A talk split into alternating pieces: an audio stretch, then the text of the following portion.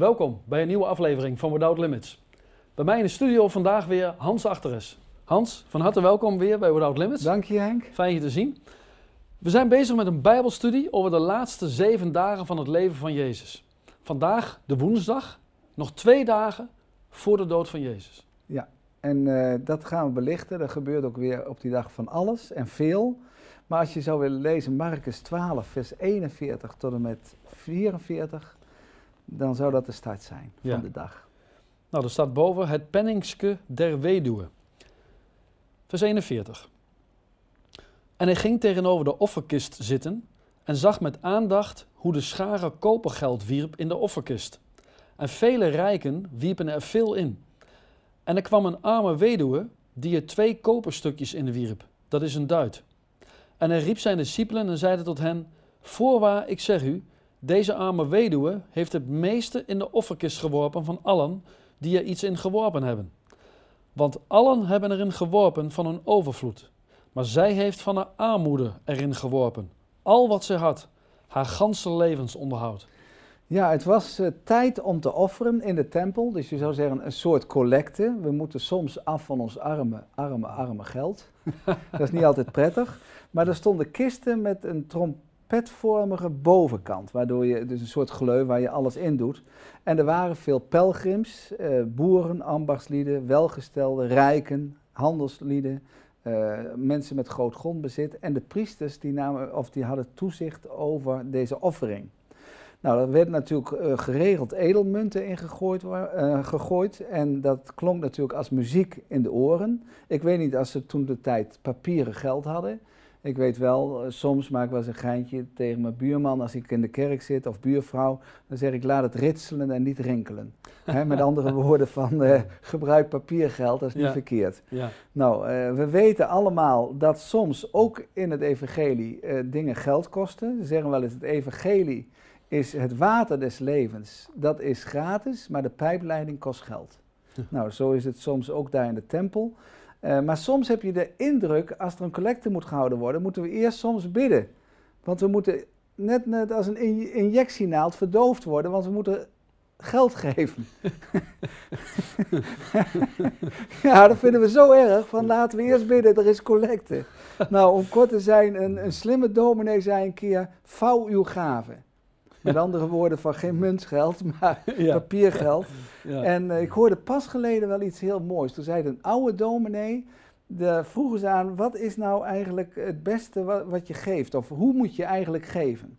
Toen zei die oude dominee, nou, als de collecte voorbij gaat en je zou het ernaast laten vallen, dat je niet je hoeft te schamen. ja, dat is ook mooi. Dus nou, om kort te zijn, geef. Jezus inderdaad zat tegenover, op een bankje tegenover deze kisten. Nou, dat is natuurlijk de meestercake. Mensen kenden hem allemaal als een weldoener, als een wonderdoener. En de rijen waren dik die voor die offerkist stonden om wat erin te gooien. En eh, ja, ze waren natuurlijk eh, allereerst, eh, toch vonden ze het fijn als ze er veel in konden doen. Want dan kon de meester, Jezus, de rabbi horen, het rinkelt aardig. Hè, die Ja. geven veel. Ja. Toen kwam er opeens een onopvallende arme weduwvrouw. En die gooide er 2 euro's in. Eh, geen gerinkel, min of meer. Ja, je kon het min of meer horen als je stil was. Maar het waren toch redelijk lichte munten. En opeens stond Jezus op en riep al zijn discipelen. Hij zegt, kom eens. En, eh, en dan zegt Jezus, die vrouw die stond bij hem, deze arme vrouw, en ze was natuurlijk verlegen en, en ze boog zich misschien, want ze denkt, hoe kan het? Wie ben ik? En Jezus zegt, zij, deze vrouw gaf al haar huishoudgeld. En velen geven van hun overvloed, maar zij geeft van haar gebrek. Ja. Ik moet denken aan die vrouw in, eh, in, in Twee Koningen staat dat geloof ik. één of twee koningen, het Oude Testament. Hè, die ook eh, haar laatste maaltijd eigenlijk gaf hè, aan de Ja. profeet. Ja, En, eh, en daardoor werd de pot steeds gevuld. amen. En ging amen. God voorzien. Amen. De Heer geeft altijd als je maar geeft. En Ja. sommigen zeggen van ja, hoeveel moeten christenen geven? Ja, Nou, dat, dat is inderdaad. Twee, hier gaf, je, gaf deze vrouw, om het zo uit te drukken, twee lichte koperstukjes. Maar eh, dat gaf geen trilling eh, in de offerkist, maar wel in het hart van God Ja. trilde het. ja, Als je geeft wat je kunt geven, maar je doet zelfs meer dan dat. Kijk, dat hebben mensen vaak. Hoeveel moeten christenen geven? Nou, in de wet gaven ze 10%. Sommigen die geven gewoon iets uit gewoonte. Nou, de genade is veel meer dan dat de wet geeft of kan bieden. Nou, ik zou haar zeggen, probeer dan eens 20% te geven. Nou, dat lijkt me voor sommigen ook al moeilijk. Maar in ieder geval als richtlijn is het niet verkeerd om blijmoedig te geven. Ja, dat zegt de Bijbel ook, hè? God heeft de blijmoedige ja. gever lief. God heeft de blijmoedige ja. gever, gever lief en hij ziet alle dingen, om het zo uit te drukken, wij, wij zitten in de intensive care afdeling, de beste van de wereld. Want de Heer doorziet ons, die kent ons. Hij zegt, ik ken u zitten en u gaan en ik ben met al je wegen vertrouwd. He, niets is bij de Heer onbekend en ik ken van ver je gedachten. Nou, eh, en wij denken soms, wat hebben die twee druppels nou te maken als we die toevoegen aan de zee? die twee kleine muntjes. Maar Jezus zegt, ik weet hoeveel je overhoudt. En ik weet wat, met wat voor liefde je het om mij doet. En mijn inziens, kijk, uh, zij had min of meer honger. En als je honger hebt, heeft Jezus zelf gezegd, geef hen te eten. Als je tekort hebt, staat er later in de brief, dan heb je er niks aan als, als een ander zegt, nou de zegen, hou je warm en het gaat je goed. Wat heb je aan die zegen? Nee, daadwerkelijk moet je helpen. Dus ik denk dat Jezus gewoon tegen Judas zegt, Judas kom eens even hier. Geef deze vrouw uit de kas voor één maand een maandloon. Nou, Judas natuurlijk weer een onweergezicht. een citroengezicht. Maar die vrouw ging weg met een warme handdruk van alle discipelen. Want het is deze vrouw. En die ging weg met een gevulde portemonnee en met een blij hart. En ze was dankbaar aan God. En ze had hoop voor de toekomst. Ja. Dat is de Heer. Laten we, ik, ik zeg altijd, hè, als wij geven wat wij hebben, dan gaat God ons geven wat we niet hebben. Nou, hij vult aan en, en het wordt toegevoegd. We gaan eens naar Matthäus 24, vers 3 en 4, want dat gebeurt allemaal op deze dag, deze woensdag. Ja, daarboven staat reden over de laatste dingen, hè, gaat over de eindtijd.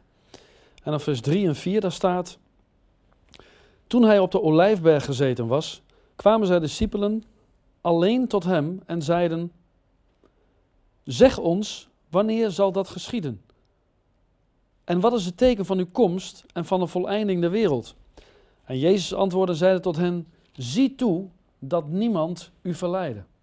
Ja, daar zitten ze dan aardebenemend panorama, zonovergrote stad, een prachtige vallei, tempelcomplex, zuilengang, prachtige bouwkunde zien ze om zich heen. En dan begint Jezus over de tekenen der tijden dat er een voltooiing komt aan deze tijd waarin we leven. Ja. Wat is belangrijk hè? Om, om te weten en te beseffen over de eindtijd? Want je hoort er vaak wat over. Mensen zijn er in deze tijd waarin we leven ook in geïnteresseerd. we merken dat zelf als we bepaalde programma's over de eindtijd hebben. Hè, dat er dan uh, meer reacties komen dat er meer onderwijs besteld wordt. Uh, de filmpjes op YouTube over de eindtijd zijn uh, ook, ook, de meest bekeken uh, filmpjes, zeg maar. dat eindtijd dat leeft. Maar, maar wat moeten we erover weten? Nou, ik vind het allermooiste, en eigenlijk ook humor, wat jij, waar jij mee eindigde in de Bijbel, vers 4. Dan Jezus vertelt nog veel meer, maar hij begint met één ding, en dat is 12 bij 8 centimeter. Nou, wat is 12 bij 8 centimeter? Zie toe dat niemand u verleidde. Zie toe dat niemand u verleidde. Met al andere woorden, doe aan hartbewaking. 12 bij 8 centimeter. Hier, hier begint het. Laat je niet verleiden. Raak niet onder de indruk van allerlei andere dingen, ja. maar inderdaad, volg mij. Ja. Die andere dingen worden je dan hopelijk duidelijk. Maar ik wil wel wat vertellen over de laatste twee dagen waarin we leven. Zoals Jezus zegt, één dag is bij God duizend jaar. Jezus geeft aanwijzingen en tekenen. Met andere woorden, pas op voor een uitgekiend en strak schema. Dat is gevaarlijk. Um, hij zegt, onder andere zijn er een aantal tekenen in deze tijd. Er staat wetsverachting. Je kunt het allemaal lezen wat ik zeg in Matthäus 24. Tegenwoordig denk je van, nou, het maakt niet uit als je nou in de pyjama het verkeer regelde als politieagent. Want uh, de wet inderdaad is niet meer zo belangrijk. Laat staan mensen die de wet uh, nou, moeten, uh, moeten kennen en moeten onderhouden. Maar dat heeft denk ik ook met respect te maken, toch? Ook, dat neemt allemaal af. Ja. Scheidsrechters, ambulancepersoneel, ME, waar is het respect? Daarnaast zegt hij, en ik noem nog maar een aantal dingen die hij zelf noemt, de liefde zal verkillen. We leven nou gewoon in een bevroren samenleving voordat je iemand echt spreekt, denk eens even aan telefonie, soms onpersoonlijk, maar denk ook eens aan een parkeerplek. met je auto. Dat een ander zo ontzettend kwaad kan worden. En het karakter, dat is allemaal een teken van de eindtijd, wordt slechter van de mensen. Ik heb het al toen net een keer gelezen in de krant. Het wordt slechter en het wordt al slechter. En dat staat ook in 2 Timotheus 3. Maar ook, er zal een christendom zijn zonder Christus. Een krachteloze kerk. En Jezus zegt, als ik kom, zal ik dan het geloof nog vinden op aarde. Om kort te zijn, het echte geloof wat Jezus verlangt van de mens, wordt al minder en minder. De mensen gaan hun godsdienst enten op hunzelf. Later, al naarmate de jaren vorderen, zal de Bijbel al dunner worden. Dan zullen ze eruit willen knippen wat hun willen. Als het vrouw vijandig is, uit de Bijbel. Homo vijandig, uit de Bijbel. God is mannelijk, nee, hij moet vrouwelijk zijn, verknippen we. Dus je zult zien, het christendom wordt al krachtelozer. En hij heeft gezegd, inderdaad in Lucas 24, er komt een verstrooiing. En er komt Jeruzalem, zal inderdaad worden een bloedakker. Dat is 40 jaar nadat Christus stierf en aan het kruis stierf, is er 40 jaar daarna is Jeruzalem een bloedakker geworden. En alle Joden zijn 2000 jaar, zoals Jezus had voorzegd, verstrooid. Dan zegt hij, er zullen aardbevingen zijn. Denk eens aan de tsunami een aantal jaren geleden. Pestziektes. Ik ben ervan overtuigd dat er misschien, ik weet niet hoe lang het zal duren, maar binnen afzienbare tijd een enorme epidemie zal uitbreken. Het vliegtuigverkeer is dichterbij gekomen. De mensen zijn dichterbij gekomen. Denk aan vogelgriep, aids. Hongersnoden zullen toenemen. Er zullen vreselijke dingen gebeuren, zegt Jezus. Trouwens, en technische rampen. Over die, uh, die aardbeving. Ik, heb, uh, ik, ik, ik, ik, sprak daar een paar weken geleden over. En toen had ik in de, in de maand mei had ik uh, even gekeken hoeveel aardbevingen er nou geregistreerd waren. En dat waren er in één maand meer dan 1200. Nou, dat klopt. Ik heb een lijstje. Ik heb het hier niet meegenomen. Ik heb het thuis laten liggen, want ik denk anders wordt het te uitgebreid. Maar wat je zegt klopt exact. Het is alleen maar een toename. Er zullen tekenen zijn van de hemel. Denk aan overstromingen, orkanen, buien die ongewoon zijn. Het geruis van Jezus' voetstappen henk naderen. Het wordt al meer hoorbaar. Ik heb pas geleden gezegd in een Bijbelstudie. Uh, door de mooie schepping waar we elke dag van kunnen genieten, zoals vandaag was het mooi weer dan verluistert God tot de mensen. Door de Bijbel en door de evangelieverkondiging spreekt God tot de mensen. Maar hij roept door zijn oordelen. Hij spreekt met een megafoon door de oordelen die over deze wereld komen, bekeer je. En hij zegt, als, als het rood wordt aan de, uh, in de hemel, tenminste de lucht wordt rood, dan onderken je, morgen wordt het mooi weer. Dus als het rood gloeit, wil Jezus zeggen, onderken de tekenen van de tijd. Hij geeft nog een teken. Hij zegt het evangelie zal verkondigd worden tot een getuigenis. Dus dat betekent overal, van Vladivostok tot Burma, zal het verkondigd worden en God bouwt zijn kerk. En natuurlijk weten we dat als waar God zijn kerk bouwt, dat Satan een kapel bouwt maar we weten van Wycliffe, de Bijbelvertalers, dat er onvoorstelbaar al veel vertaald is. En het zal niet meer lang, heel mm, lang mm. kunnen duren voordat er een getuigenis is uitgegaan tot alle naties. Jezus zegt, en ik wil dat wel eens voorlezen, in Matthäus 24, vers 36, zegt hij het volgende. Hij zegt, doch van die dag en van die uren weet niemand, ook de engelen van de hemel niet, ook de zoon niet, maar de Vader alleen. Nou, en in vers 44 zegt hij het volgende. Daarom wees ook gij bereid, want op een uur dat u het niet verwacht, komt de zoon des mensen. Dus noem geen dag, noem geen tijdstip. Velen, velen hebben een vergeefse zoektocht gedaan naar de einddatum, naar de einddatum. Maar ze zijn allemaal tot op heden bedrogen uitgekomen. Ja. Het is een groot gevaar en in dat geval, in zo'n geval, zijn het eigenlijk valse profeten. Ze zijn overmoedig geweest, aanmatigend hoogmoedige predikers. En ze moeten een stapje terug doen als ze een datum noemen. Jezus heeft het gezegd. Ik zeg altijd, Jezus komt weer, reken maar. Niet in de zin bereken maar, maar reken maar. Hij komt terug. De Jehovah's hebben vaak eh, gezegd, 1925, 1936, 1953, 1973 en op laatst 1984. Nou, uh, inderdaad, ze hebben de verstandig aan gedaan. dat ze ermee opgehouden zijn. Ja. Ja. Eh, de, de Heere zegt er is een toename van de wetenschap en kennis en techniek in de eindtijd. Allerlei uitvindingen zullen toenemen. Wij zijn gewend aan de boekdrukkunst. Luther zei, de boekdrukkunst is een grote stap naar de hemel, maar ook een grote stap naar de hel. Nou, de, de- we weten de televisie. De duivel heeft veel hulpmiddelen. Ja. TV kun je zeggen soms, het is ter verdwazing, ter verdoemenis en ter verschrikking. Ja. Nou, ieder zieltje heeft zijn mobieltje. ja, internet. Hoeveel mensen zijn er niet gepakt? Nee, niet alleen gepakt. Die zijn verstrikt in internet. Het was een net. Ja. Maar daarom zegt de Heer ook de- bij deze uitzending: zet je voeten op de rots. Hij heeft het voorzegd. Mijn inziens spreekt de Bijbel, en ik zal er niet te ver op ingaan, maar over de televisie. Als een voorzegging dat de televisie zal komen. Iedere natie, et cetera, zullen zien van Ja. de twee getuigen in Openbaring 11. Ja. Dat God al voorzegt de radio, de auto, in Nahum 2, vers 3 en 4. Het vliegtuig, Jezaja 31, vers 5, over beschermende vogels rondom Israël. Inderdaad, eh, ja, de Heer heeft al gezegd in openbaring, er zal het getal zal zijn 666, maar ook een merkteken. Dus is vanaf 1971 een persoonsnummer, een SOFI-nummer, een pinpas, paspoortnummer, een personificatienummer.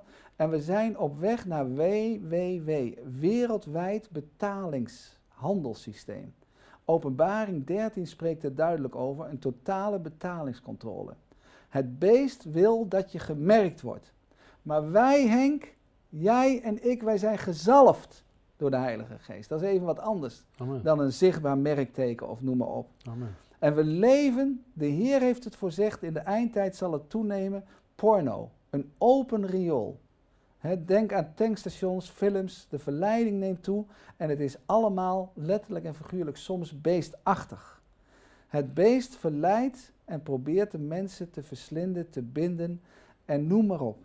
Het zal zijn als in de dagen van Lot en van Noach. Er zullen valse christenen zijn en die zeggen, daar is Christus. Of Ja. ze zullen zeggen, hier, Ja. dat is yoga, Ja. hier is de Christus. Maar Jezus Nee. zegt, geloof het niet. Geloof het niet. Geloof het niet. Volg hun niet na. Sinds in Jezus hemelvaart hebben wij een verborgen koninkrijk, maar het wordt allemaal openbaar. De climax van de Bijbel, dat Jezus komt, staat in openbaring 11.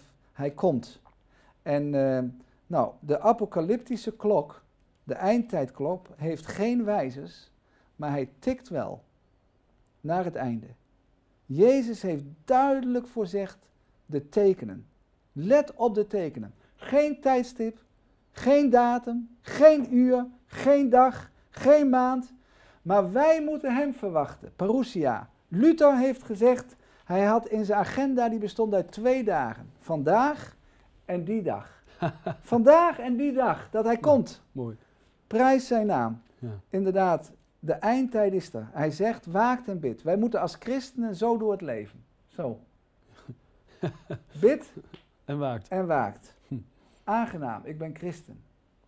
Ja, vaste grond is inderdaad al het zichtbare zal vergaan. Jezus zegt, de hemel en de aarde zullen vergaan, maar mijn woorden zullen nimmer vergaan. Inderdaad, ik kwam een keer onderweg een huis tegen, er stond, hier is het niet. Nou, inderdaad, hier is het niet. Hier is het niet. Hans, je had het net over waken. Eh, hoe moeten wij waken? Ja, Jezus zegt bij zijn tweede komst, dat is zijn wederkomst, doet hij een aantal gelijkenissen om te laten zien hoe we moeten waken. Hij zegt bijvoorbeeld niet onvoorbereid, net als jaargetijden. De vijgenboom, die takken worden zacht, bladeren worden groen en het is lente. Verandering, dus let op die veranderingen, net wat ik zeg, op die tekenen. Ja. Jezus noemt nog een andere gelijkenis, als een dief in de nacht. Mensen, die hebben het soms niet door. Ze zijn onverwachts komt het over hun, ongedacht en onvoorbereid. Maar de gelovigen moeten waken, ze moeten wachten en ze weten min of meer plus minus wanneer hij komt aan de tekenen. Ja. Het glooit rood. Het gloeit rood. En inderdaad, dan is het morgen mooi weer, maar de tekenen zijn erbij. Het is zoals Jezus zegt in de dagen van Noach. De mensen zijn vol soms van genot, ongestoord, onopgemerkt en ze hebben hun eigen ding. Maar ze zijn niet gericht op God. En plots komt, net als bij de zonvloed, die neerguts, neergutsend water, die neergutsende regen. En de Heer zegt, kom, kom nou in de ark, kom in de ark. Hij heeft verteld in de gelijkenis, die dag, ik heb het allemaal over die dag dat hij dat vertelt, over één bruidegom en tien maagden. Vijf waren wijs en vijf waren dwaas. Ja. Tien lampen. De vijf wijzen hadden wel olie, maar die vijf dwazen hadden geen olie. En opeens, midden in de nacht, plotseling, inderdaad, de bruidegom komt, ga hem tegemoet. Ja, als je hem verwacht, zeg je hier, dank u wel dat u dichterbij komt en ik mag u nu tegemoet gaan. Maar het is net zoals bij s'avonds een stroomstoring, het is donker. Ja, de wijze mensen hebben lantaarns, ze hebben kaarsen achter de hand. Maar de dwazen hebben niks. Ze hebben geen lantaarn thuis, ze hebben geen kaarsen als er opeens een stroomstoring Ze zijn niet voorbereid. Ze hebben geen voorbereiding, ze hebben geen olie. En je kunt dan zeggen tegen een ander, geef me olie. Nee, alleen bij God is olie. Daar is de olie. Daar is het gebed. Door gebed ontvang je het. Maar nou zijn ze in nood. Dan gebruiken ze het gebed als reservewiel. Maar ons bidden moet niet zijn een reservewiel, maar een stuurwiel. dat, dat de Heer zegt inderdaad, laat je leiden. En later, ja, komen ze bij het willen ze deel hebben aan het hemels licht. En dan zal Jezus zeggen, ik ken u niet. Als ik dat zo hoor, dan, dan, dan vraagt geloven in Christus, ja, dat vraagt nogal niet wat. Ja, we moeten soldaten zijn. We moeten behoren tot milita Christi, dat betekent de militie van Christus. We zijn erg soldaten. Als je geloven gaat, ja, dan zegt Jezus van, hij geeft ons een opdracht, wees bezig. Geloof zonder de werken is dood. Hij zegt dat, en dat zei hij ook die dag, twee dagen voor zijn dood, gelijkenis van de, van de talenten. Hij zegt, het waren drie dienstknechten en aan de ene gaf hij twee talenten en bij de afrekening had die man vier talenten. Aan de ene vrouw gaf hij vijf talenten en bij de afrekening kreeg die vrouw, liet, haar, liet bij de afrekening aan haar hier zien tien talenten. Maar er was er één, die was ook toevertrouwd bekwaamheden, aanleg, gaven, noem maar op, gezondheid. Maar die was bang en die verstopte het en die had niks gedaan. En die had een schop gepakt en een groot gat. En daar had hij zijn talent in gedaan. Maar de Heer zegt, je moet er wat mee doen. Ja. Zoals ik mag wat zeggen. Jij presenteert. Anderen bedienen de camera. Een derde doet het geluid, de techniek. Maar we zijn bezig met en voor de Heer. En de Heer zegt, wel gedaan, wel gedaan. Maar de tegen die ander zegt, je hebt niks ontplooid. Je hebt je eigen belang gediend. Je bent lui geweest. En de Heer zegt, als jij bezig bent, als ik bezig ben, krijg je nieuwe opdrachten, nieuwe vreugde. Niet alleen hier, maar ook in de hemel. God, Gods weg, Henk, is de beste. En ja, terwijl hij dat zo vertelt, komen de discipelen bij Jezus en die zeggen, er zijn Grieken, mensen uit Griekenland, die willen u spreken, die willen u ontmoeten. Maar Jezus gaat op dat verzoek niet in. Jezus spreekt nog tot het volk en zijn discipelen en hij geeft ze nog een paar belangrijke geestelijke levenslessen. Hij zegt, mijn voorbeeld, ik ga sterven, de tarwekorrel moet in de aarde sterven. Je moet je leven verliezen en dat doe je niet, dat doe je niet moeiteloos. Ja. Had Jezus uh, ja, zorg, moeite, emoties? Ja, hij, hij voelde Henk uh, het lijden en de dood naderen. Hij, hij zegt ergens, hij doet op dat moment, op die woensdag, een blik naar de hemel. En hij zegt, Vader, ik ben ontroerd, verlos mij. Nou, dat zouden wij als mensen ook doen. Als we zien dat er erge dingen op ons afkomen, dan zeggen we, Vader in de hemel, verlos mij.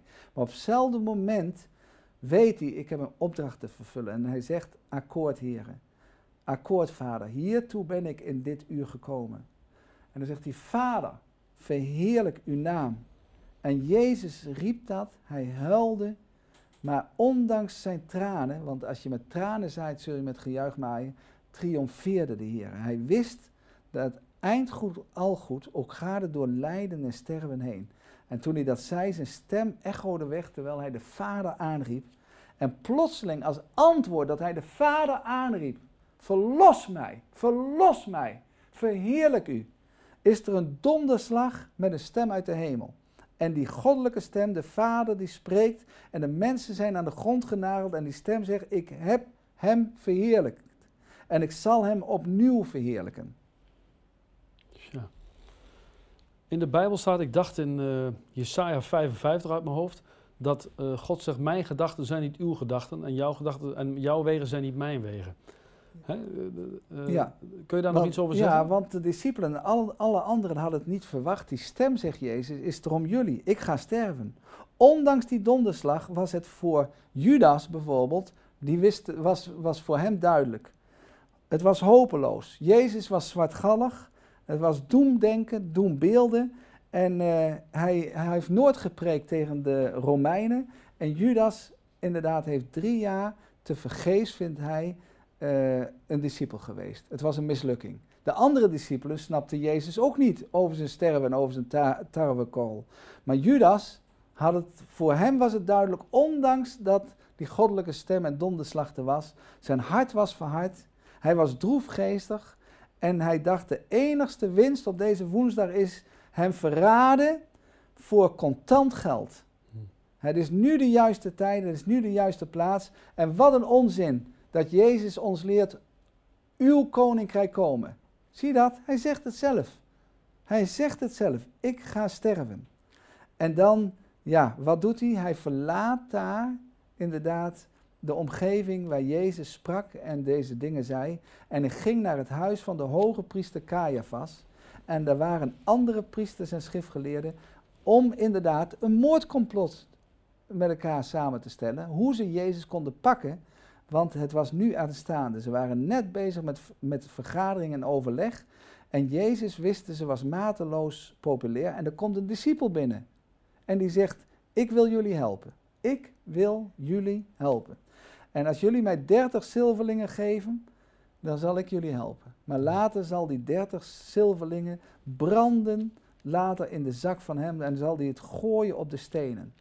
Ik heb hier een heel indrukwekkend beeld van Judas in de eeuwigheid. Judas heeft hem verraden. Ik hoop dat u het zo kunt zien. En ik wil nog even als afsluiting lezen. Hè, misschien is het zo duidelijk of zo. wil ik nog even lezen Matthäus 26, vers 14 tot en met 16. Daar staat het volgende in Matthäus 26, vers 14. Toen ging een van de twaalfen, genaamd Judas Iscariot, naar de overpriesters. En hij zei, wat wilt u mij geven? Ze waren later overeengekomen, dertig zilverlingen. Dan zal ik hem u overleveren. En zij stelden hem dertig zilverlingen ter hand. En van toen af zocht hij een goede gelegenheid om hem over te leveren. Ja. Ja, we zien op deze tekening, ik zal hem nog een keer voor me houden, Judas. Ik wil geen oordeel vellen over, zal hij ook branden in de hel. Maar we zien hier wel een lichtend kruis. We zien hier wel een engel op de achtergrond. Ja, en dat, dat moet ons tot na, nadenken stemmen. Hebben wij Jezus aangenomen, Hmm. zodat wij eeuwig leven hebben ontvangen? Of gaan we ons eigen gang, of hebben wij zelfs in ons hart Hem verworpen? Zo eindigt de woensdag. ja. Dankjewel Hans.